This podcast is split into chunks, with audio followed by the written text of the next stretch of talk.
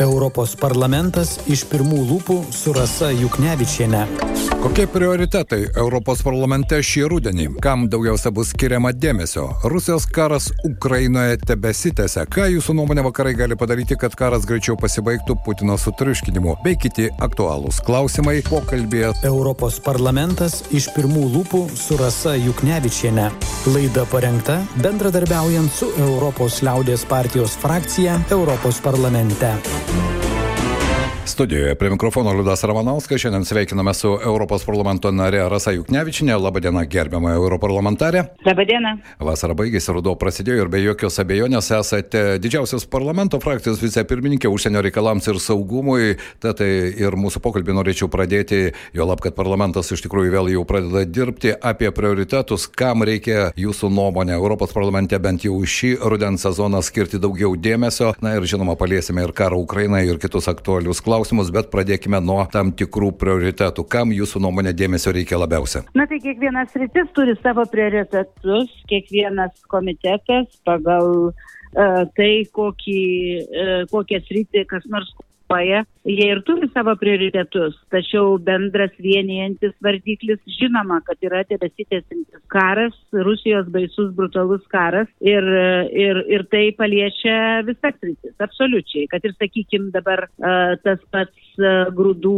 uh, išvežimo iš Ukrainos klausimas uh, ir daug kitų dalykų. Tai taip jau darbas prasidėjo, jau dvi savaitės dirba komitetai, dirba, dirba politinės grupės, jau kitą savaitę plenarinis posėdis Strasbūrė, kuris vyksta kartą per mėnesį, plenariniai posėdžiai, laukiam Ursulos von der Leyen metinio pranešimo, kuris sudėlios labai daug svarbių dalykų, tikimės. Na, o man konkrečiai, kaip ir minėjot, atsakinga mūsų politinė grupė esu už užsienio politiką ir, ir saugumą, tai atitinkamai tas Ukrainos Ukrainos klausimas ir šitos baisios diktatūros ataka ne tik prieš Ukrainą, bet visi supranta ir prieš visą demokratinį pasaulį yra svarbiausias. Ir kaip dažnai e, mes čia sakom, mums tenka vakarų fronte dirbti, nes e, atsiranda tam tikro nuovargio demokratijos demokratinės visuomenės gana greitai pavarksta, rinkimai veja rinkimus, mm, rinkimai vyks e, didelė, e, daugelie valstybių ir šį rudenį, Taip. ir, ir, kita, e, ir kita, kitais metais. Laukia Europos parlamento rinkimai kitų metų birželio mėnesį. Ir be abejo, šitie dalykai atneša daug naujų dalykų, pasiruošimam, tam tikrom įtampom gal netgi kai kuriuose šalyse. E, ir taip pat atsiliepia ir mūsų politiniai grupiai. Dabar kaip tik dirbam dėl e, mūsų partijos e, tos skėtinės visos Europinės partijos politinių nuostatų pagrindinių kitų metų Europos parlamento rinkimuose. Bet aišku, tie dalykai negali užgošti pagrindinio tikslo - padėti Ukrainai laimėti ir nebijoti sutriuškinti Rusijos režimo. Ir va čia va iškyla pagrindinis klausimas. Todėl, kad e, dar matau, kad tikrai ne vienodai suprantame, ką reiškia laimėti šitame kare. Taip, požiūriai ir labai skirtingi ir taip. nuo to priklauso vienokie ar kitokie sprendimai, o diskutuojant dėl jų laikas bėga labai brangiai. Ir jis kainuoja štai kiekvieną dieną, šahedai skrenda į Ukrainą, raketos skrenda, žmonės žūsta, o čia artėja ruduo, žiemos periodas, prisimename praėjusiu metu Rusijos barbariškas atakas į energetinę sistemą. Na ir ko gero ta praktika bus tęsiama ir šiais metais. Ilga žiema gali būti ir čia ko gero na, tas Europos pagalbos mechanizmas jis turėtų veikti kur kas sparčiau negu praėjusiais metais. Man bent taip atrodo. Na, žinot, žiūrint kaip pažiūrėsi, Putinas aišku apsiskaičiavo, tikėdamasis, kad uh, vakarai yra silpni ir kad reakcija galbūt bus iš pradžių, e, bus šiokia tokia, bet paskui viskas baigsis panašiai, kaip baigėsi Krymą aneksavus. Vėl visi sugrįžti prie to vadinamo business as usual, bet kol kas tai tikrai to nėra. E, nusiteikimas yra stiprus e, ir, ir, ir, sakau, nuovargio gali rastis, vėl atsigauna visokie kraštutiniai ir pas mus tas jaučiasi, bet ypatingai matysis kitą savaitę plenarinėme posėdėje, e, kada jau ten vyksta e, debatai, tai kraštutiniai kairieji, kraštutiniai dešinieji, su jais aišku dirba Kremliaus pajėgos bet jie neturi, tikrai neturi tokios didelės įtakos, daugiau galbūt tokį triukšmo tik tai sukelia daug. Bet, bet šiaip vakarai iš tikrųjų susiteikia yra tik tai tiek, kad ir tų galimybių pamatėm, kad nėra tiek jau daug.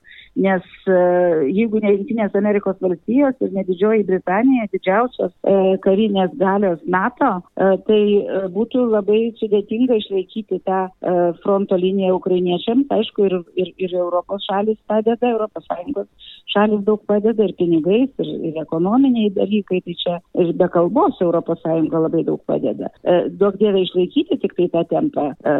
Bet šiais metais rudenį taip pat labai svarbi politinė žinia turi būti dėl Moldovos ir Ukrainos pakvietimo dėryboms į Europos Sąjungą. E, spalio mėnesį berots turės ateiti e, ir viešai bus paskelbtas Europos komisijos, paskelbta Europos komisijos išvada e, dėl tų kriterijų, kurie buvo prieš metus sudėlioti Ukrainai ir Moldovai. E, kurie, kurios turėjo jos padaryti, Ukrainai apskritai. E, žinot, ne, ne, nežinau, ar kuri valstybė kada nors istorijoje yra e, gebėjusi laimėti karą arba kariauti, dar neaišku dėl to laimėjimo. Taip. Ir tuo pačiu išlaikyti tam tikrus demokratijos principus ir dar uh, atlikti reformas tam, kad galėtų uh, vis uh, priartėti prie tų kriterijų reikalingų pradėti dėryboms dėl Europo, narystės Europos Sąjungai. Tai va čia bus labai svarbus politinis uh, žingsnis iš ES pusės. Na ir aišku, Junktinė Amerikos valstijų e, laikysena dėl tolimo nuotolio raketų, dėl, mm, dėl, dėl, dėl ginkluotės, e, e, kurią, kurios Europa tiesiog neturi. E, mesgi pamatėm patys savo didžiulės skylės gynyboje, kurios buvo ir anksčiau, bet nelabai kas rūpinasi. Taip. Tai kad ir, pavyzdžiui, tos pačios artilerijos trūkumas, tai dabar didžiulė, didžiulis prioritetas ir šių metų, dar šių metų prioritetas.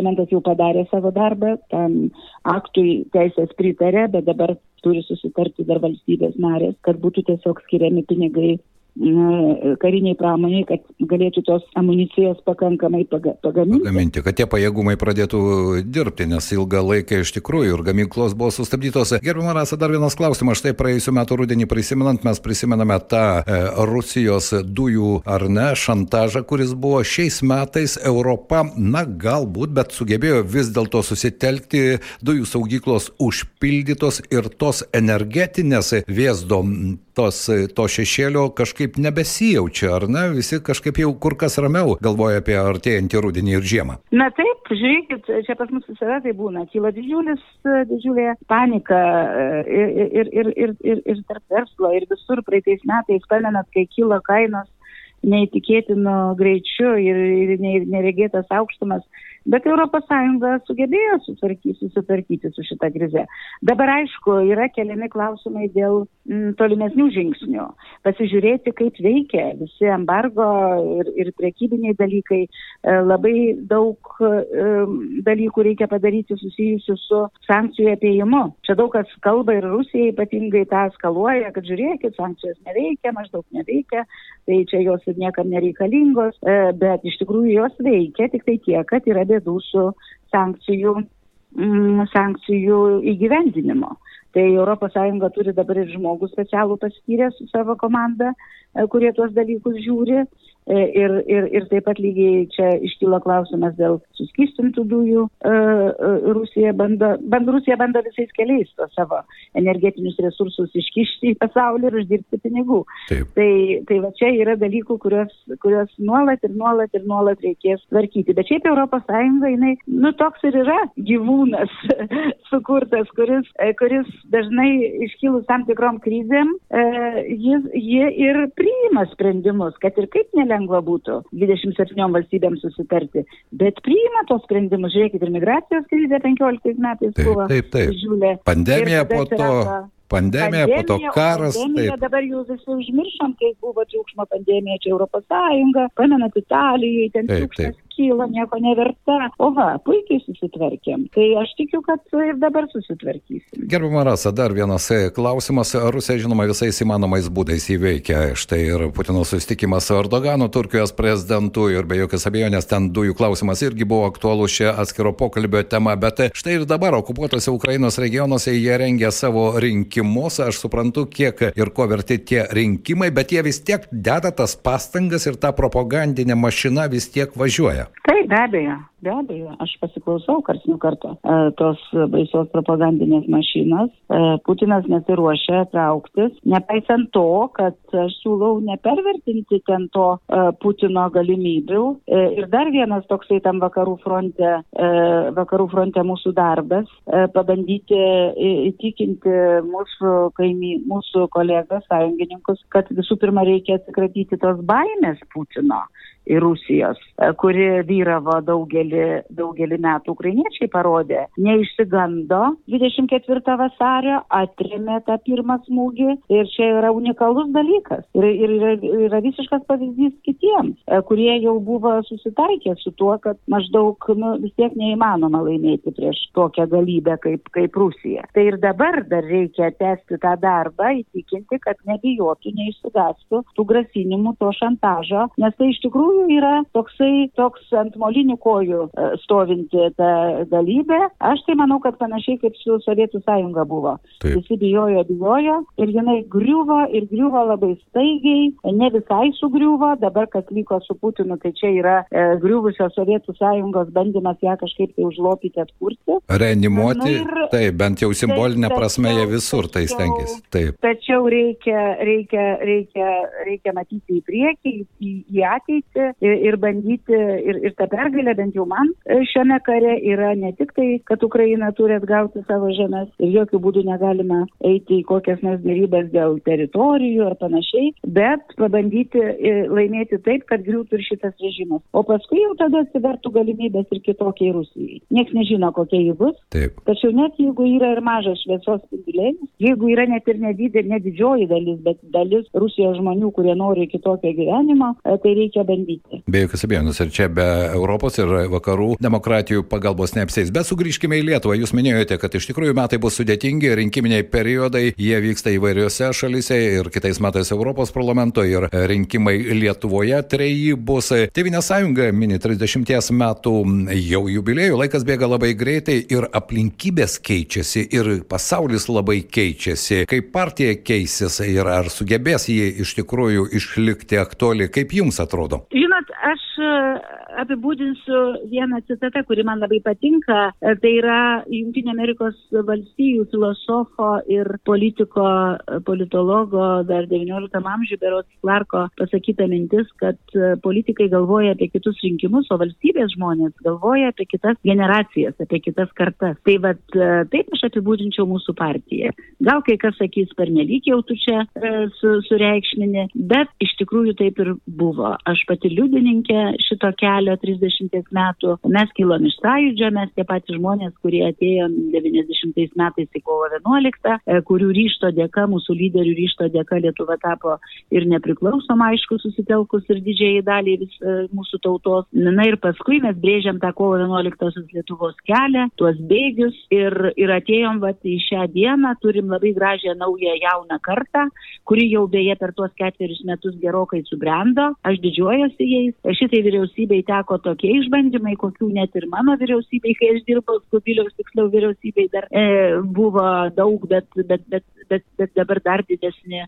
Taip, kad daug kas mus laidojo, e, galvojo, va, išmirs tie tremtiniai, tai išmirs ir šita partija, iš kairės pusės girdėdavosi tokių, e, tokių sakymų, e, bet nieko panašaus, mes esam stiprus ir vėl brėžiam tuos bėgius, svarbius bėgius, darom reformas, nebijom jų ir, ir galvojam ne vien tik tai apie kitus rinkimus, bet ir apie Lietuvos e, pamatus, pagrindus tolimesnius e, šitai valstybei, ypatingai šitom nelengvom aplinkybėm. Tai va tiek mano tokio matymo ir labai pozityvaus matymo. Na, kaip matau, jūs iš tikrųjų esate optimistė ir pozityvi. Tad tikėkime, kad ir Europos parlamente ir debatai atneš rezultatų ir jie neįklims begalinėse diskusijose. Na, o kalbant ko gero apie dabartį, be jokios abejonės visada reikia prisiminti ir praeitį ir mokytis iš tų klaidų. Šiandien, gerbiamą Rasą, noriu padėkoti Jums, kad suradote laiko pokalbį ir tikėtis, kad rudens metu mes dar turėsime ne vieną galimybę padiskutuoti vienu ar kitu aktualiu klausimu. Ačiū Jums. Ačiū, būtinai. Mūsų pašnekovė buvo Europos parlamento narė Rasa Juknevičinė. Be jokios abejonės laikas bėga labai greitai, ruduo įsibėgėja. Tad ir politinis gyvenimas tiek Europos parlamente, tiek įvairių ES šalių valstybėse tik aktyvės.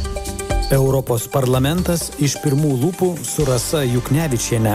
Laida parengta bendradarbiaujant su Europos liaudės partijos frakcija Europos parlamente.